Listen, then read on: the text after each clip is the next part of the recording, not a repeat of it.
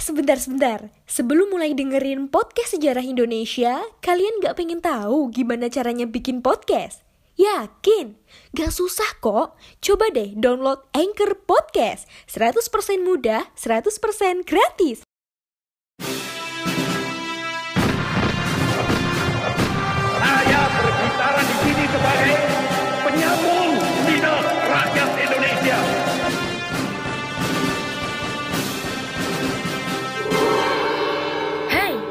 Terima kasih sudah memilih mendengarkan kami, Poseidon. Podcast yang bikin kalian gagal move on. Assalamualaikum warahmatullahi wabarakatuh.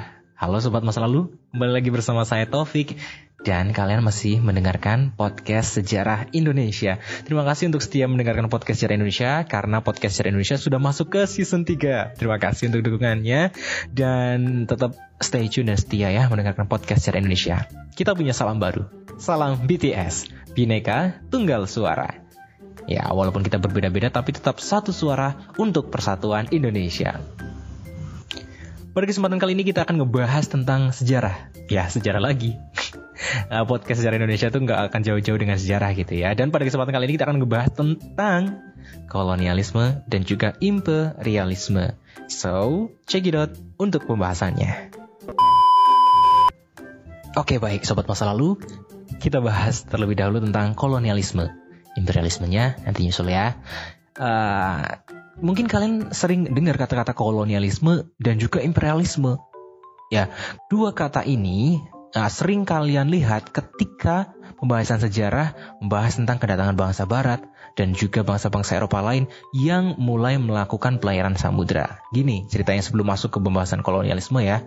Jadi awal munculnya keinginan untuk menguasai daerah lain itu ketika jatuhnya Konstantinopel. Ayo ingat lagi wilayahnya di mana. Coba buka map kalian. Jadi Konstantinopel ini adalah tempat yang sangat strategis untuk berdagang kala itu. Dan ketika itu bangsa Turki atau Turki Utsmani ini ingin menaklukkannya.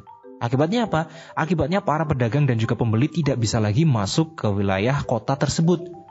Setelah ditaklukkannya Konstantinopel ketika itu oleh bangsa Turki tadi, bangsa Eropa harus mencari apa? Mencari tempat berdagang lain mencari komoditas lain yaitu rempah-rempah. Nah, oleh karena itulah kemudian bangsa Eropa mencoba untuk memikirkan kembali, mencoba untuk memutar otak ke mana mereka harus mendapatkan sumber rempah-rempah baru, gitu kan? Karena zaman dahulu itu rempah-rempah itu udah kayak emas, gitu kan? Makanya semboyan dari imperialisme kuno dulu itu kan ada gold glory dan gospel gitu kan. Nah, goldnya ini bukan semata-mata emas secara apa ya secara kaku gitu tapi ya tadi mau rempah-rempah dan yang lainnya itu itu menjadi salah satu goal itu ya pada akhirnya ketika itu Indonesia menjadi rujukan orang-orang Eropa untuk apa untuk membeli rempah-rempah dan juga memenuhi kebutuhan dagang mereka, kebutuhan rempah-rempah mereka seperti itu. Nah dari sinilah kemudian gambaran umumnya ya. Jadi kenapa kok kemudian bangsa-bangsa Eropa itu mau untuk berlayar ke wilayah Asia seperti itu? Oke sobat masa lalu, kita akan membahas tentang pengertian kolonialisme. Jadi gini, kolonialisme itu berasal dari kata koloni. Nah, koloni menurut bahasa Latin artinya pemukiman. Ingat-ingat dong, koloni artinya pemukiman. Nah, sedangkan kolonialisme itu adalah upaya yang dilakukan negara-negara penguasa dalam rangka apa? Dalam rangka menguasai suatu daerah ataupun wilayah untuk mendapatkan sumber daya.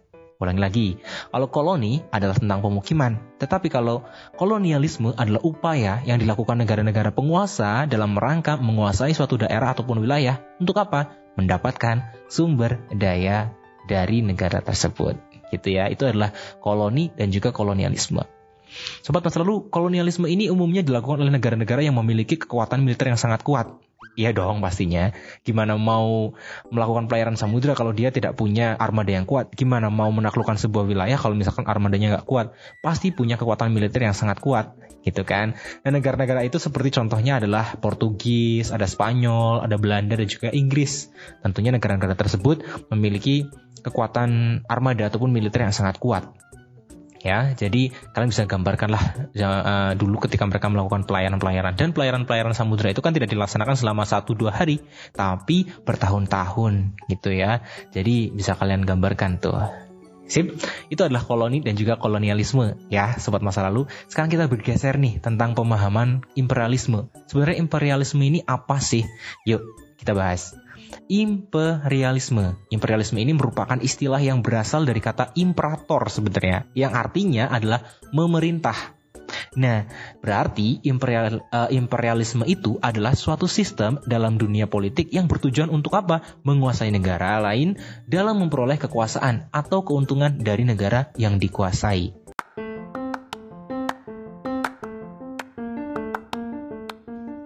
Halo Sobat Poseidon, kalian pasti sudah tidak asing lagi dengan Anchor. Yap, aplikasi penyedia jasa untuk para podcaster pemula dan juga pro. Buat kalian yang pengen mulai nge-podcast, langsung download aja Anchor di App Store ataupun di Play Store. Di sana, kalian bisa nge-podcast dengan banyak banget pilihan background musik. Setelah itu, kalian bisa mempromosikan podcast kalian ke mana pun. Secara otomatis, nanti akan di-sharekan oleh Anchor sendiri. So, tunggu apa lagi? Cus, nge-podcast bareng Anchor. Hmm, terus kemudian bedanya apa dengan kolonialisme? Ya nanti kita akan bahas. Tapi sebelum ke sana, sebenarnya imperialisme ini uh, bisa dibagi dua ya. Ada imperialisme kuno dan juga imperialisme modern.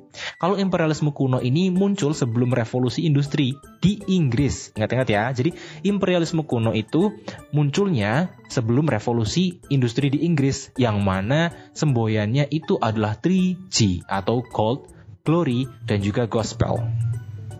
Sedangkan yang kedua adalah imperialisme modern. Nah, imperialisme modern ini muncul setelah revolusi industri terdorong karena apa? Karena faktor ekonomi dan juga kebutuhan industri pada saat itu gitu ya. Jadi sudah mulai modern, perkembangan mesin dan juga perkembangan industri yang sudah makin gede gitu kan. Jadi mereka didorong dengan nah, dibantu dengan teknologi-teknologi yang sudah ada seperti itu.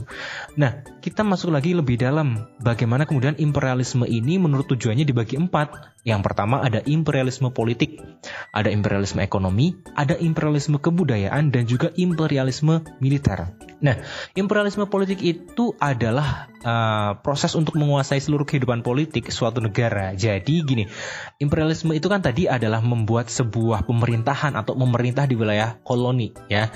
Jadi kalau misalkan dampak menurut tujuannya itu adalah misalkan imperialisme politik itu di Indonesia awalnya kan kerajaan-kerajaan uh, pakai sistem trah gitu ya.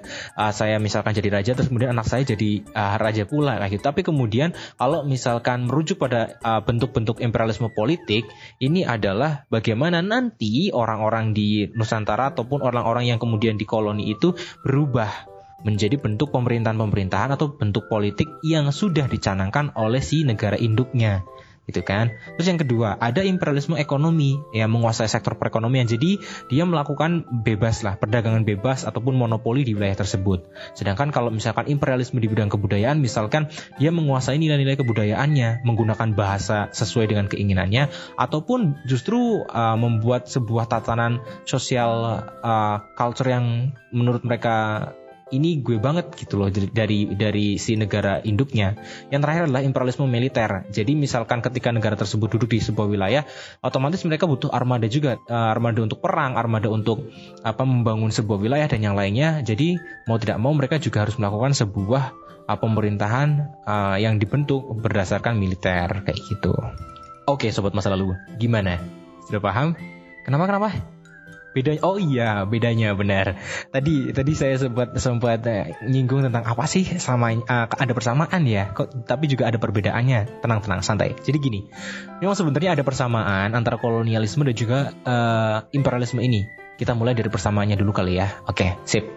Nah persamaannya apa? Persamaannya adalah baik kolonialisme ataupun imperialisme itu pasti akan bikin negara yang melakukannya untung gitu kan misalkan negara yang mengkoloni itu dia pasti akan untung sedangkan negara yang dikoloni sudah pasti akan sengsara. Iya, di mana pun akan seperti itu. Karena apa? Karena tujuannya tadi adalah untuk mengeruk sumber daya di wilayah negara-negara yang didudukinya. Jadi mau tidak mau, ya negara yang diduduki pasti sengsara. Negara yang menduduki sudah pasti akan mendapatkan untung. Gitu. Itu persamaannya. Sekarang perbedaannya. Perbedaannya adalah apa? Kolonialisme itu bertujuan untuk menguasai dan menguras habis semua sumber daya yang ada, kemudian membawa ke negaranya. Ingat ya, diingat-ingat ya. Sedangkan imperialisme bertujuan untuk menanamkan pengaruh pada semua bidang kehidupan negara yang bersangkutan. Gini, jadi kalau koloni modelnya adalah datang, ngambil, pulang. Atau datang, ngambil, kirim ke negaranya. Kalau misalkan imperialisme datang, duduk, ngambil, memonopoli, bikin sebuah pemerintahan, barulah itu menjadi sebuah imperialisme. Makanya ada yang bilang, kalau misalkan negara itu melakukan imperialisme, sudah pasti dia melakukan kolonialisme. Tapi kalau misalkan negara tersebut melakukan kolonialisme, belum tentu. Belum tentu dia melakukan imperialisme. Tapi akan condong ke arah imperialisme sudah pasti gitu. Udah kalau misalnya udah duduk enak ya pasti dia ngapa-ngapain kayak gitu kan. Ya udahlah. Jadi itu sudah menjadi salah satu hal yang lumrah ataupun menjadi tabiat negara-negara yang mengkoloni negara lain itu dulu kayak gitu ya oke sobat masa lalu tarik nafas dulu sampai sini ya karena kita juga nanti akan ngebahas tentang dampak-dampak dari kolonialisme imperialisme di wilayah Nusantara. Apa aja sih sebenarnya dampak-dampaknya yang yang muncul gitu kan? Santai aja, tenang aja. Nanti kita akan ngebahas di part yang kedua. Pada kesempatan kali ini saya cukupkan dulu ya. Semoga kalian bisa belajar pelan-pelan aja dan tetap dengarkan podcast Sejarah Indonesia, podcast yang bikin kalian gagal move on pastinya.